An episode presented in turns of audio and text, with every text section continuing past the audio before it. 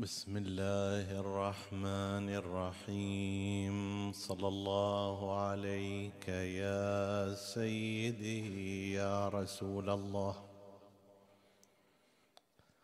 صلى الله عليك وعلى ابن عمك امير المؤمنين وقائد الغر المحجلين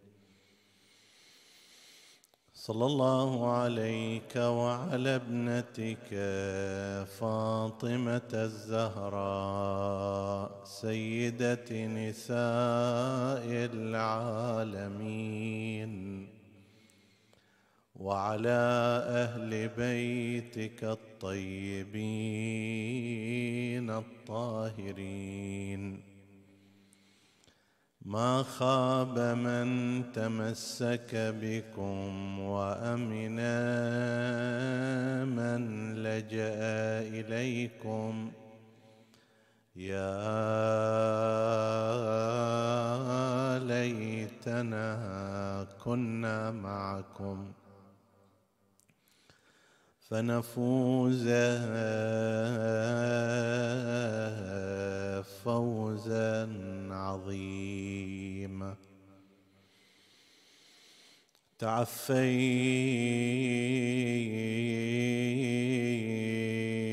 يا ربع الأحبة بعدهم. فذكرتني.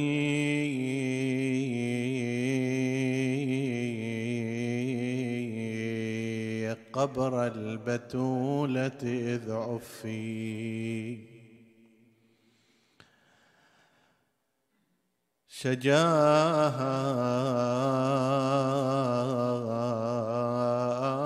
فراق المصطفى واحتقارها. لدى كل علج من صحابته جلفي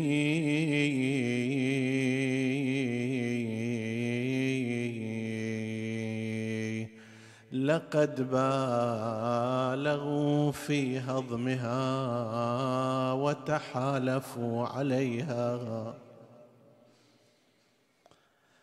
وخانوا الله في ذلك الحلف وما ورثوها من أبيها وأثبتوا حديثا نفاه الله في محكم الصحف.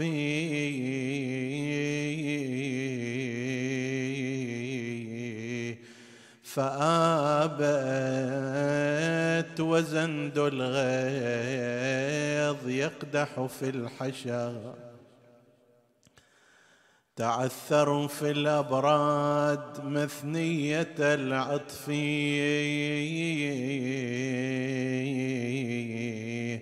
وجاءت إلى الكرار تشكو اهتضامها ومدت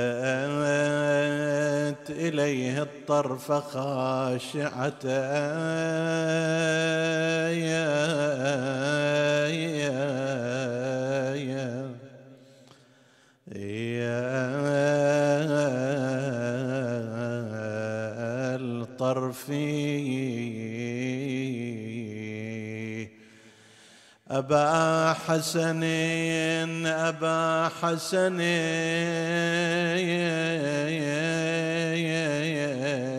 يا راسخ الحلم والحجاب. إذا فرت الأبطال خوفا من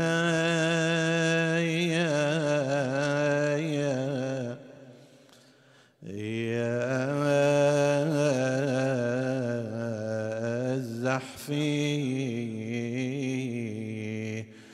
ويا واحدا أفنى الجموع ولم يزل. بصولته في الروع يأتي على الألف أراك تراني والعدو وصحبه يذيقونني ما لا أطيق من يا يا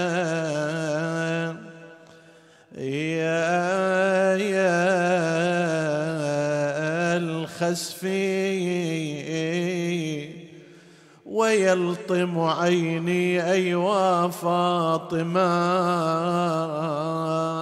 ومظلومة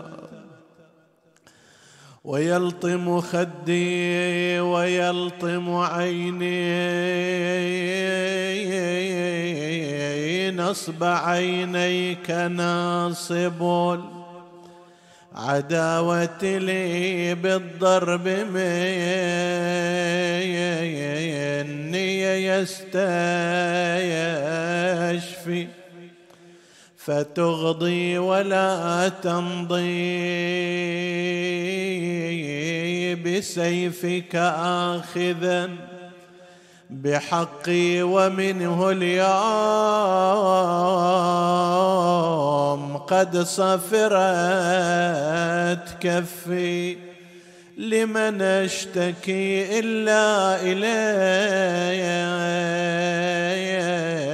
ومن به ألوذ وهل لي غير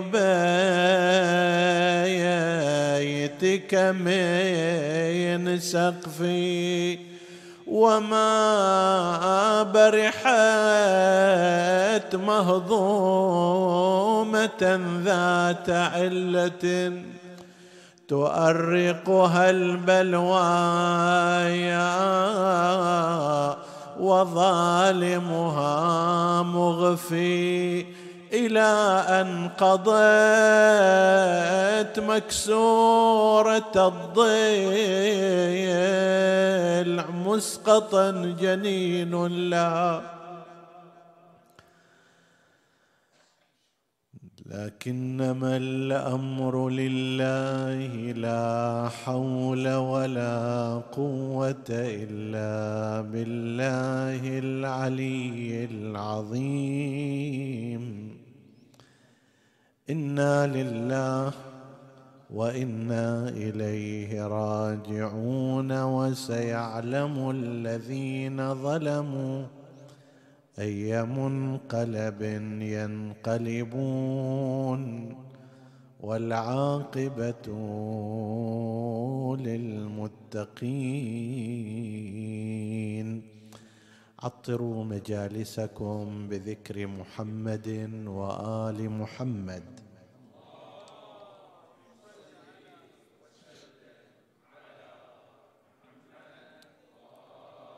اللهم صل على محمد وآله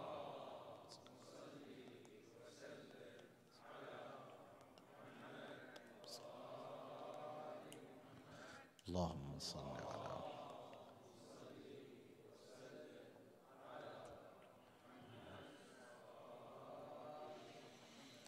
من كلام سيدتنا ومولاتنا فاطمة الزهراء سلام الله عليها.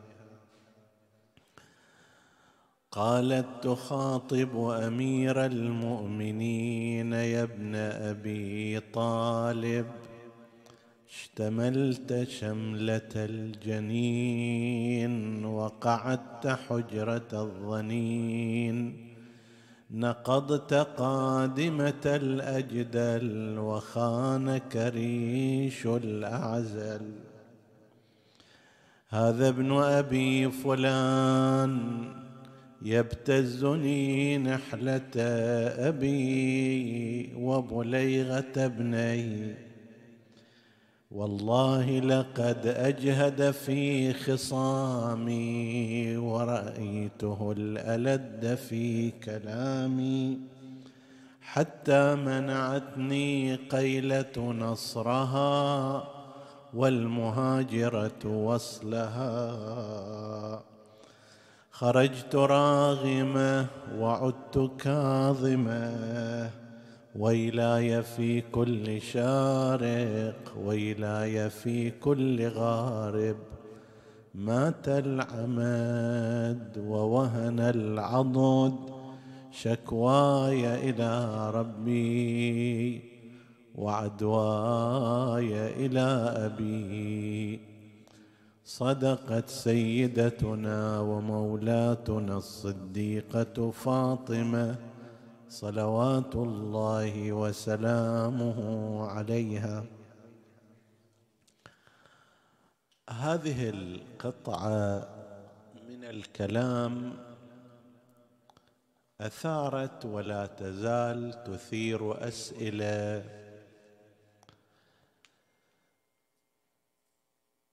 تصل إلى حد إنكار صدور هذا الكلام من فاطمة عليها السلام لأمير المؤمنين صلوات الله عليه.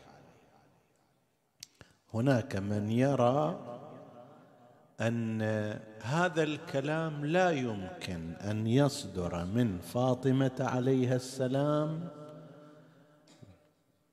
لأمير المؤمنين مخاطبة إياه فيه. وبالتالي لابد أن نرفض مثل هذا الكلام ولا يمكن أن يكون. فلنرى هذا الأمر هل هذا الكلام يمكن أن يصدر أو لا؟ ثم ما معناه إذا كان صادرا؟ ثم ما هي جهته؟ لأي سبب كان؟ بالنسبة إلى إثبات أن هذا الكلام صادر من فاطمة عليها السلام يظهر أن هناك أكثر من طريق لإثباته. الطريق الأول أن أكثر الذين نقلوا أصل الخطبة لفاطمة عليها السلام ذيلوها بهذا الذيل. يعني مثلا عندنا ابن أبي طيفور وهو ليس من الشيعة عنده كتاب اسمه بلاغات النساء. بلاغات النساء هو كمؤلف قال أكو في نساء العرب والمسلمين بليغات في القمة وأورد نماذج من خطبهم وكلماتهم.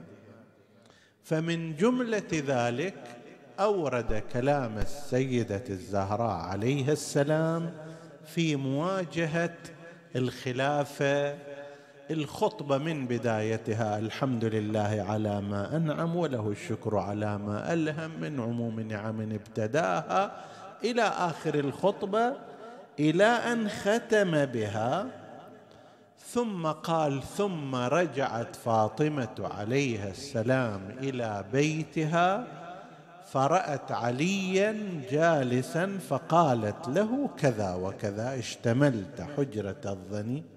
اشتملت شملة الجنين وجلست حجرة الظنين إلى آخر هذه الكلمات. كذلك هذا واحد من غير مدرسة أهل البيت عليهم السلام ومن أتباع مدرسة أهل البيت وأهمهم شيخ الطائفة الطوسي رضوان الله عليه شيخ محمد بن الحسن الطوسي المتوفى سنة 460 هجرية وهو كاسمه شيخ الطائفة وكتبه عليها مدار الاستدلال تهذيب والاستبصار. عندنا إحنا في فقه أهل البيت عليهم السلام أربعة كتب معروفة الكتب الأربعة اللي غالبا يعتمد الفقهاء عليها في الاستنباط والاستدلال. اثنان منها كتب شيخ الطائفة الطوسي تهذيب الأحكام وكتاب الاستبصار. نصف الكتب له والباقي أحدهما للكليني الكافي والثاني للصدوق. من لا يحضره الفقيه. شيخ الطائفه الطوسي عند كتب أخرى بالإضافة إلى هذا هذين الكتابين الفقهيين منها كتاب الأمالي. أمالي مثل مجالس يعني واحد يقرأ مجلس على الناس فالناس يكتبون ذلك فيقال املى علينا محمد بن الحسن في يوم كذا في مجلس كذا فقال كذا وكذا. هذا يسمونه الأمالي. في هذا الكتاب الأمالي في عدة مواضع ذكر أصل الخطبة الفدكية المعروفة وذيلها أيضا بهذا الكلام المنقول عن سيدة النساء أمام أمير المؤمنين عليه السلام. فهذا طريق للإثبات وهو أن من ذكر الخطبة الأولى المشهورة عن الزهراء عليه عليها السلام ألحق بها هذا المقدار من الكلام. فأنا لما أجي في آخر الزمان مثلا وأعتمد على القسم الأول دون القسم الثاني لا يكون هذا مبررا. إذا حديث من راوي معين من كتاب معين وقبلت القسم الأول يفترض أنك تقبل القسم الثاني. هذا الطريق الأول. الطريق الثاني ما يسمونه عند الخبراء في هذه الأمور بنقد المتن. فإنهم يلاحظون أن مستوى البلاغة في هذه القطعة هو مساوي إلى مستوى البلاغة في القطعة الأولى. نفس القماشه نفس الكلام نفس الأدب نفس المستوى. أحيانا يصير أن الإنسان يقول هذا البيت من هالقصيدة نستبعد انتسابه إلى الشاعر. ليش يقول لك؟ لأن هذه العبارات مالته عبارات ركيكة عبارات خفيفة. طيب مثل ما الآن قسم خصوصا في هاي وسائل التواصل الاجتماعي يكتب لك قال الإمام علي إذا أردت أن يكون لك أصدقاء فافعل كذا وكذا ولن يكون لك في هذه الدنيا نصير. وهذه العبارات المشهورة. أي إنسان مأنوس بكلمات أمير المؤمنين وقاريها وملاحظ مستوى بلاغته فورا يقول هذا الكلام كلام مال صحف هالأيام. مو مستوى بلاغة أمير المؤمنين. ولا يوجد في أي مصدر من المصادر. ليش؟ لأن هذا مو كلمات الإمام مو مستواه مو أفقه. أحيانا يصير أن الإنسان يعرف انتساب هذا الكلام إليه من خلال مستواه البلاغي. فإذا ما فيه مستوى بلاغي معاني ركيكة كلمات ضعيفة يستبعد أن يكون هذا صادرا من أمير المؤمنين عليه السلام. هنا لما نلاحظ نلاحظ هذه القطعة التي نقلت عن السيدة الصديقة الزهراء عليها السلام هي من نفس قماشة خطبها وكلامها نفس المستوى البلاغي نفس الأفق. فاذا هذا طريق ثاني. طيب لعل واحد يقول لك إذا ثبتنا أن هذه كلمات الزهراء لأمير المؤمنين عليه السلام كيف يمكن أن تخاطب أن تخاطب الزهراء عليها السلام أمير المؤمنين بهذا الكلام القاسي والشديد؟ سريع إجمال على كلماتها. يا ابن أبي طالب واضح اشتملت شملة الجنين الشملة الثوب. كأنك لبست لباس الجنين. الجنين عادة هو في داخل البطن مغطى مستور متكوم على نفسه. طيب كأنك أنت صاير جنين هالشكل ذاك البطل المغوار طلاع الثنايا أوائل أول المقاتلين في الحرب. وإذا أنت مثلا منكفع على نفسك مثل الجنين لام نفسه على بعضه. اشتملت شملة الجنين وقعدت حجرة الظنين. الإنسان اللي كأنه متهم بشيء كأنه مطلوب في قضية وين يدور؟ يدور مكان بعيد عن الأنظار حجرة يختفي فيها. فأنت اشتملت شملة الجنين وقعدت حجرة الظنين. نقضت قادمة الأجدل وخانك ريش الأعزل. الأجدل هو النسر المحلق الكبير والقوادم ماله هي الأجنحة والريش الكبير اللي به يطير. مصدر قوته هي هذه القوادم قادمة الأجدل. يعني هذا الريش القوي الذي به يطير النسر في الأعالي.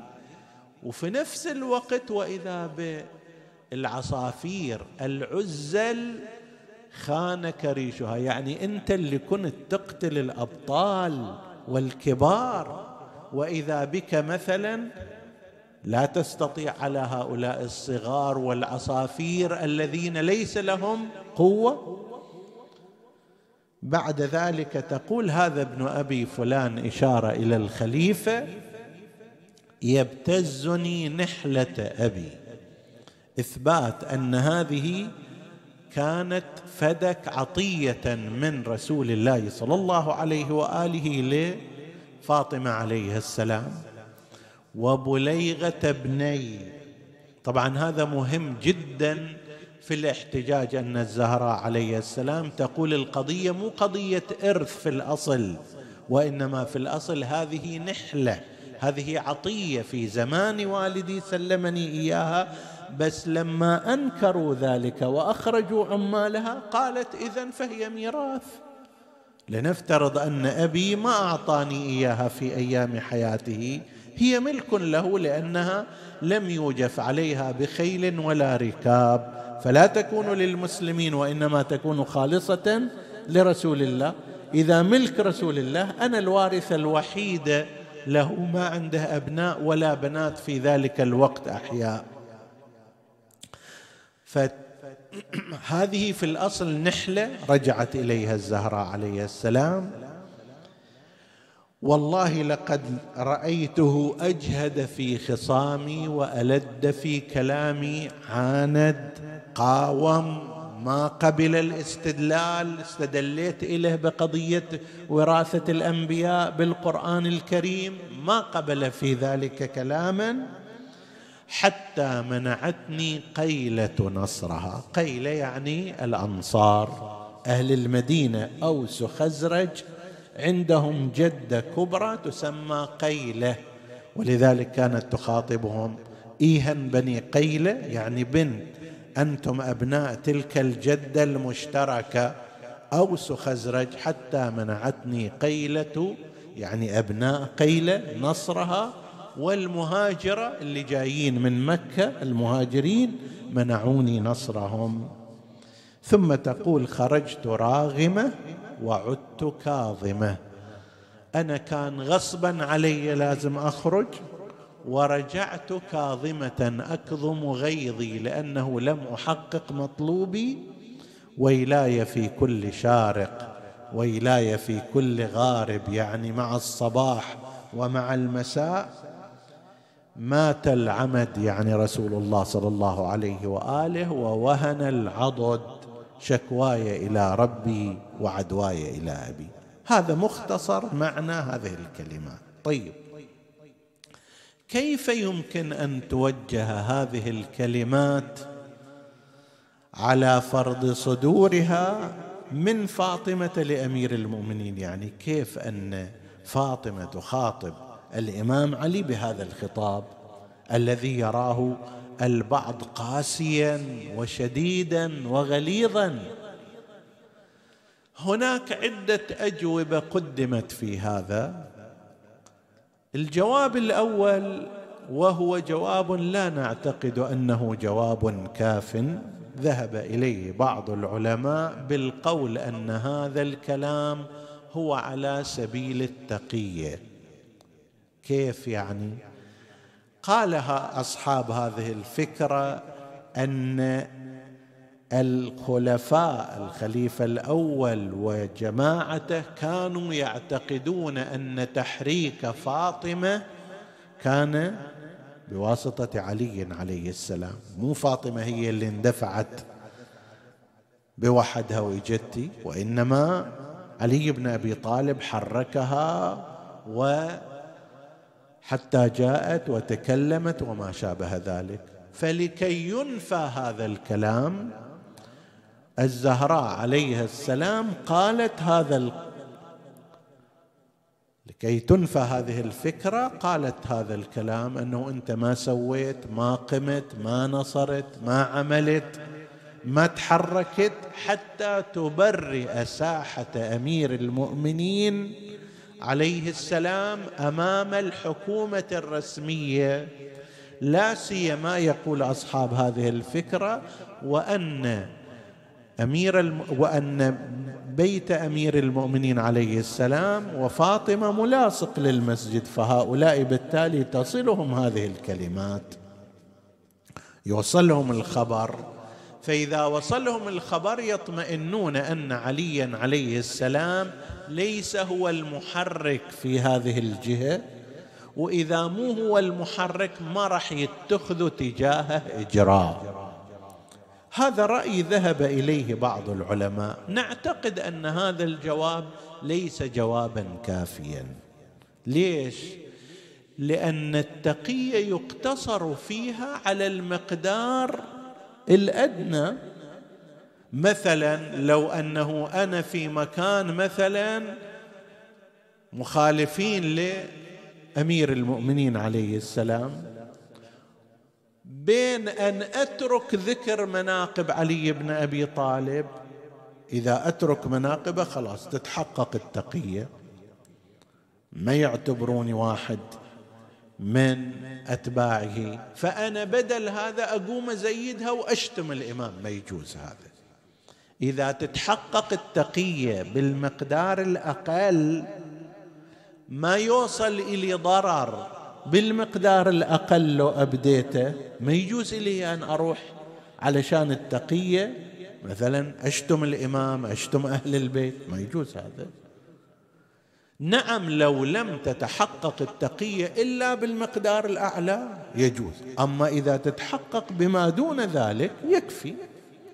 هنا الزهراء عليه السلام بحسب هذا الكلام كان كلامها شديدا. إذا كانت القضية قضية تقية بهذا المقدار البسيط تقدر تقول أنه أنا ذهبت إليهم فما استجابوا لي. أما أن تجي تقول له أنت اشتملت شملة الجنين قعدت حجرة الظنين نقضت قادمة الأجدل خانك ريش الأعزل افترست التراب افترست الذئاب وافترشت التراب ما أغنيت طائلة إلى غير ذلك كما في بعض النسخ؟ هذا شيء زايد.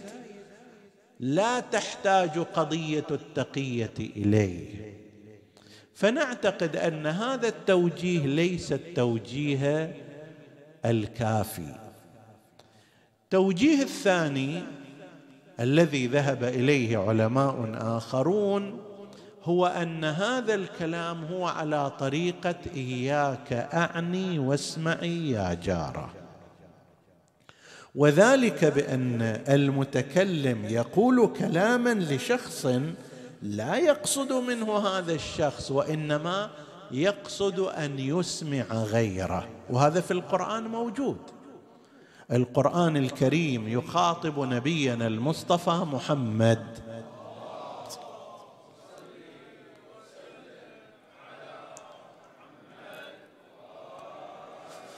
فيقول ربنا بما ظاهره الخطاب لرسول الله ولقد أوحي إليك وإلى الذين من قبلك لئن أشركت ليحبطن عملك. معقوله النبي سيد الخلائق. أعظم من في الوجود. الآن يجي الله يقول له دير بالك لا تصير مشرك ها؟ إذا تصير مشرك كذا وكذا نسوي فيك. ولو تقول علينا بعض الأقاويل لأخذنا منه باليمين ثم لقطعنا منه الوتين. مو معقولة؟ الله يخاطب النبي خطابا حقيقيا بهذه الطريقة. وإنما كما ورد في تفسير أهل البيت عليه عليهم السلام كثير من آيات القرآن الكريم هي على طريقة إياك أعني واسمعي يا جارة. يعني أنا أوجه الخطاب إلى فلان بينما أنا قصدي فلان الآخر. بس هم قاعدين مع بعض أريد هذا يسمع فأوجه الكلام إلى هذا. وإلا لا معنى لأن يقول الله لنبيه بعد رسالته وبعد سموه هذا السمو العظيم. يقول له دير بالك لا تصير مشرك ها هذا كلام يقبح عن على وجه الحقيقة. أنت تروح إلى واحد من العلماء مرجع من مراجع الدين فتقول له ترى لا تزني ها إذا تزني ودوك نار جهنم. يقول لك شنو هذا؟ مخبل هذا يجي يتكلم. لكن إذا كان على طريقة إياك أعني واسمعي يا جار والمقصود به غيره لا ما في مشكلة هذا. تخاطب شخص وأنت لا توجه إليه الكلام حقيقة وإنما توجه الكلام إلى غيره. وقد ورد في روايات المعصومين أن القرآن الكريم كثير من آياته على طريقة إياك أعني واسمعي يا جارة.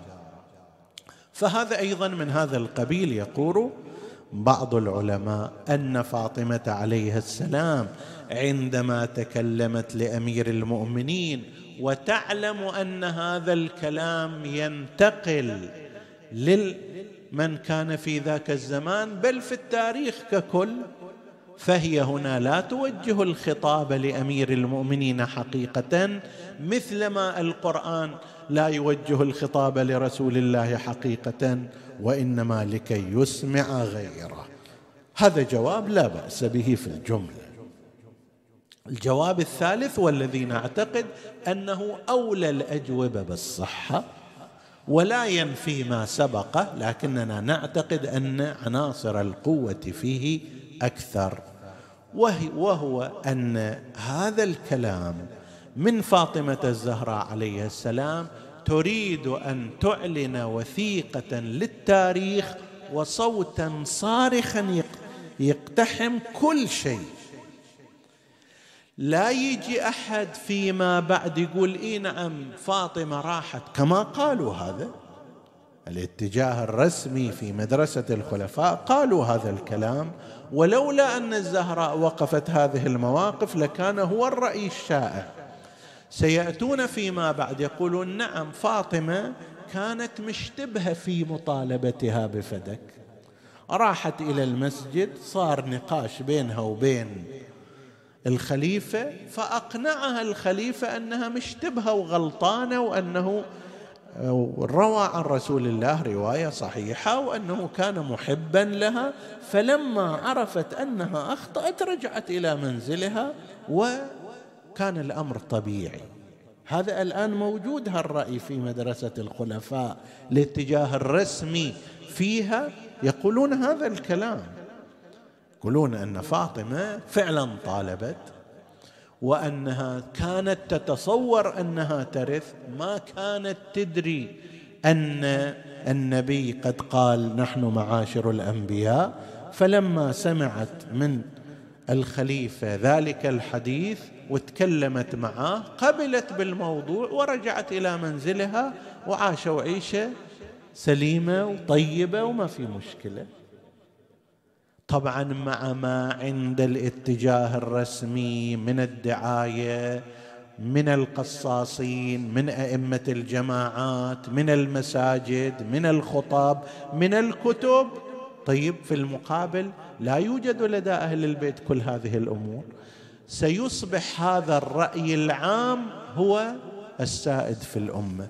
الزهراء عليه السلام سوت مجموعة من الأمور كل أمر من الأمور سيف قاطع. لما أراد الشخصان زيارة فاطمة الزهراء عليه السلام ما قبلت. ما قبلت أصلا. فقال لها أمير المؤمنين عليه السلام هما يستأذنان. وأنا إذن قالت له البيت بات. بيتك انت تريد تخليهم يدخلوا. أنا ما أريد أستقبلهم. بس إذا البيت ملكك أنت فأنت تقدر تدخل فيه من تشاء وتخرج من تشاء. فلما دخل جاء للسلام عليها فحولت وجهها جهة الجدار. طيب.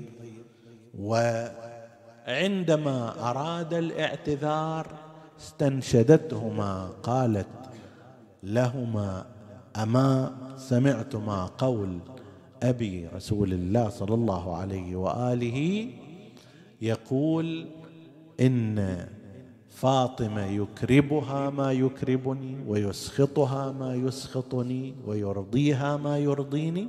قال بلى. قال فأشهد قالت فأشهد الله أنكما أغضبتماني وأسخطتماني وما أرضيتماني ولن أرضى عنكما حتى ألقى أبي رسول الله. هذا موقف إعلان بعد هذا يقطع سالفة أن فاطمة راحت ورضيت وقبلت وانتهى الموضوع وإلى آخره. لفلفه القضية ما تريدها الزهراء؟ عليها السلام. وأيضا عندما تأتي إلى إلى أمير المؤمنين عليه السلام تسجل كلام حاد قوي شديد لا يحتمل أي وجه آخر. ما في مثل هالموقف ليس متوقعا أن تأتي فاطمة عليها السلام وتقول مثل التقرير الخبري نعم ذهبنا إلى المسجد وكان هناك حوار. ثقافي بيننا وبينهم وانتهى الأمر إلى أنهم لم يقبلوا كلامنا ولم نقبل كلامه. هذا ما ممكن أن تجي الزهراء تتكلم بهذه الطريقة. لازم يكون فيه لوعة المصيبة لازم يكون فيه عنف الاحتجاج لازم يكون فيه قوة الموقف. من فاطمة عليها السلام اللي يبقى يرن يعني أنت لما الآن تسمع هالكلام تهتز. إذا تتدبر فيه فعلا تتصور المشهد أن فاطمة عليها السلام تقف أمام أمير المؤمنين عليه السلام بكل لوعة بكل قوة بكل عنف. يا ابن أبي طالب توالدك ناصر أبي. آخر الأمر هكذا يصير؟ فكأنها كانت تطالب بموقف أكبر. نعم هي تتفهم ما سيقوله لها. أمير المؤمنين عليه السلام قال لها نهنه عن وجدك يا ابنة النبوة ويا بقية الرسالة. زين لا ويل لك لأنه قالت ويلاي في كل شارق ويلاي في كل غارب. قال لا ويل لك بل الويل لشانئيك لمبغضيك. بس لازم الموقف يكون موقف حاد شديد قوي بحجم المظلومية. بحجم المظلومية بحجم الظلامة بحجم المصيبة التي وقعت على فاطمة عليها السلام. كان لازم تتكلم بهالطريقة هذه. ويلاي في كل شارق ويلاي في كل غارب. شكواي إلى ربي عدواي إلى أبي. الله خير حسيب. حسبنا الله ونعم الوكيل. وهكذا. هذا الكلام اذا بالإضافة إلى أنه على طريقة إياك أعني واسمعي يا جاره أريد أريد منه تسجيل وثيقة تاريخية صاخبة عنيفة قوية شديدة الواقع تعبر الزمان بعد ما تتوقف هذه. كل واحد لا ريب عندي أن كل واحد من شيعة أهل البيت إذا لم يستوقفه أي حديث من احاديثهم هذا الحديث؟ هذا الكلام منها يستوقفه. شقد من الأحاديث مروية عن أهل البيت عليهم السلام؟ كثير لكنها لا تثير في النفس أسئلة ولا في القلب شدة كما تثيره هذه الكلمات. وهذا هو مطلوب هذا هو مطلوب. كيف أن قضية إخفاء قبرها عليه السلام نفس الكلام؟ أن هذا قضية القبر مطلوب منها أن تبقى سؤال ينتظر جوابا ولن يكون هناك له جواب. مطلوب منها أن تثير لماذا؟ ظلمت جهرا وأخفي قبرها سرا. كيف أن بنت النبي صلى الله عليه وآله بهذه المنزلة وهي سيدة نساء العالمين من الأولين والآخرين و تهضم تظلم جهارا نهارا على مرأى ومسمع ومشهد من كل المسلمين بينما قبرها يخفى إلا عن أعداد قليلة. هذا هم مطلوب منها فالزهراء عليه السلام بهذا الكلام أرادت أن تثير في أذهان جميع المسلمين. هذا السؤال إنه كيف صارت أن فاطمة الزهراء هالشكل ما هي الظروف التي أدت إلى أن أمير المؤمنين عليه السلام وهو فارس بدر وأحد وخيبر وحنين وسائر المشاهد وبيده ذلك السيف ويده هي يده الضاربة. كيف جعلته الظروف والأوضاع ومصلحة الإسلام في أن يكون مشتملا شملة الجنين وقاعدا حجرة الظنين؟ حتى يتفهم الناس مقدار وعظمة هذه المظلومية التي حلت على سيدتنا فاطمة الزهراء عليه السلام. شنو أذكر لك من مظلوميتها؟ صلوات الله وسلامه عليها. عمرها صغير بتر في هذه الفترة 18 سنة. الله كم من المصائب رأت في هذا العمر القصير؟ وأي مصائب أيضا؟ مصائب مثل أن امرأة في بيتها جالسة وإذا ترى القوم قد هجموا على دارها وجمعوا حطبا على تلك الدار ومجمعي حطب على البيت الذي لم يستقم لولاه. أمر الدين والقائلين لفاطم آذيتنا. عجيب بنت تبكي على أبيها. السلطة تجي تقول لها لا تبكي على أبيك. ابكي إما ليل وإما نهار إحنا ننزعج من بكائك على رسول الله. إلى أن خرجت تحت أراكة لكي تبكي على أبيها فقطعوا أراكتها ومن أبنائها قطعت أمي يمينها ويسارها وكل هذا ما كفاهم وإنما أيضا أجهضوا هذه المرأة أسقطوا جنينها عصروها بين الحائط والباب حتى أسقطت جنينها. يا عجبا يقول الشاعر يا عجبا يستأذن الأمين. لا يدخل وهو محرم وهو رسول الله يستأذن يا أهل الدار أتأذنون لي بالدخول؟ فتقول فاطمة يا رسول الله يا أبتاه الدار دارك وأنا ابنتك ادخل لا تحتاج إلى استئذان لا خل يسمع الآخرون أن باب فاطم بابي. وحجابها حجابي. الإمام الصادق عليه السلام في الرواية يقول والله لقد هتك حجاب الله. يا عجبا يا عجبا يستأذن الأمين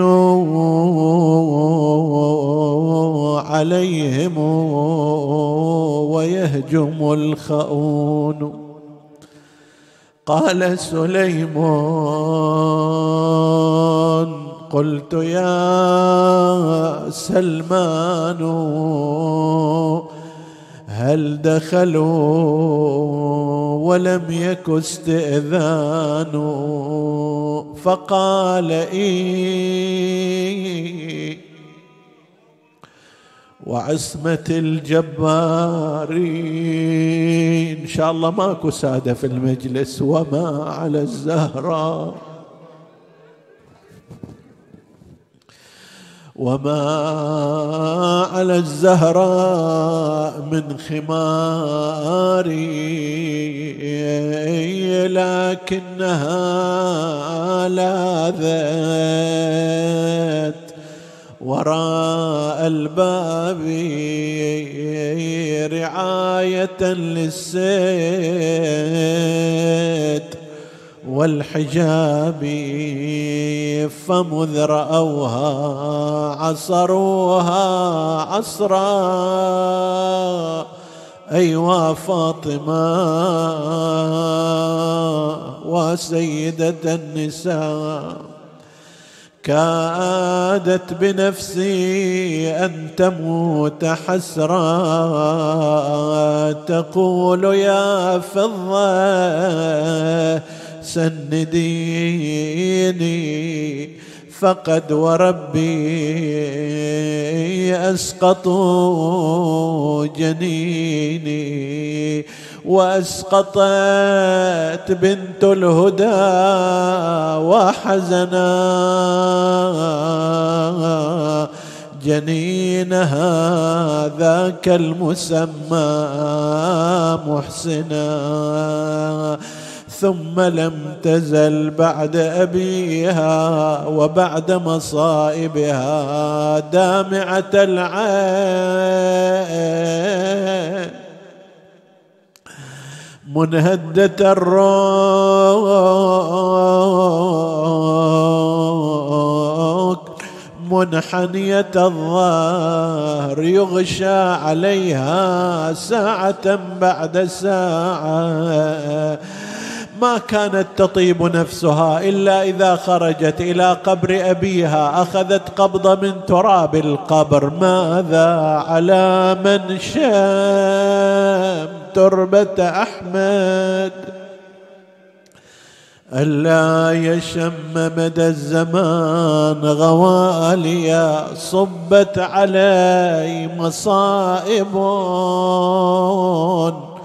لو أنها صبت على الأيام صرنا لياليا قل للمغيب تحت أطباق الثرى. لو كنت تسمع صرختي وندائي بقيت على هذا الحال إلى أن كان مثل يوم غد. بناء على هذه الرواية وجدت في نفسها نشاطا وقوة قامت وسكبت غسلا وغسلت ابنيها الحسنين وأرسلتهما إلى أبيهما في المسجد. ليش يا سيدتي خائفة الا يريا أن يرياها وهي في سكرات الموت؟ فخرج الحسنان قالت فاطمة لأسماء يا أسماء أنا أدخل إلى الدار وأقرأ القرآن فإذا سمعت صوتي وإلا فكلميني إن أجبتك وإلا فاعلمي أني لحقت بأبي رسول الله. قالت اسماء دخلت فاطمة حجرتها أخذت تقرأ القرآن ساعة إذ انخفض صوتها. تناقص نفسها جئت إليها قلت لها يا فاطمة لم تجبني. يا بنت رسول الله لم تكلمني. هززتها وإذا بها قد ماتت. أين المنادي وفاطمة وسيدتا ومظلومتا تقول ألقيت عليها رداءها بينما أنا كذلك وإذا بالحسنين قد اقبلا صاحا يا أسماء أين أمنا قلت لهما هلما وكلا طعامكما قالا يا اسمى متى عهدتينا نأكل من غير أمنا فاطمة أحس قلبهما بالشار كأني بأحدهما ينادي ليش ما نسمع ونين نمنا ولا نسمع كلام. شاء الله طابت العلة وطاب ضرب ابن اللي لو يا اسماء فارقتنا وراحت وخلتنا ايتام والشهيد يصيح لا تفاول علينا بهالخبر. ماذا حدث على الزهراء يوم طبوا عاينوها ممدده نايمة نومة الموت وساد ما هي موسدة. بالمصلى ويح قلبي مسدل عليها الرداء خروا عليها ودمعهم يصب صب المطر. بنت من أم من حليلة من.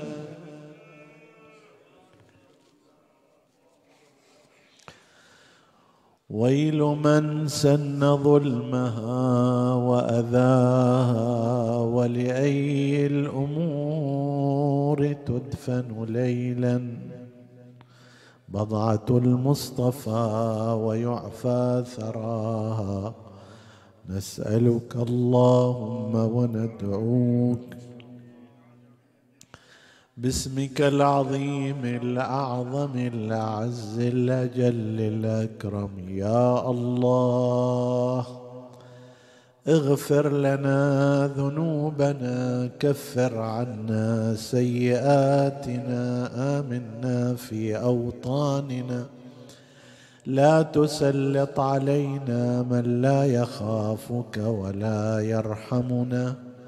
ولا تفرق بيننا وبين محمد وآله طرفة عين. احفظ اللهم إخواني الحاضرين فردا فردا واقض حوائجهم. اشف اللهم مرضاهم. وتقبل اللهم عمل المؤسسين بأحسن القبول. إلى أرواح موتاهم وموتى السامعين.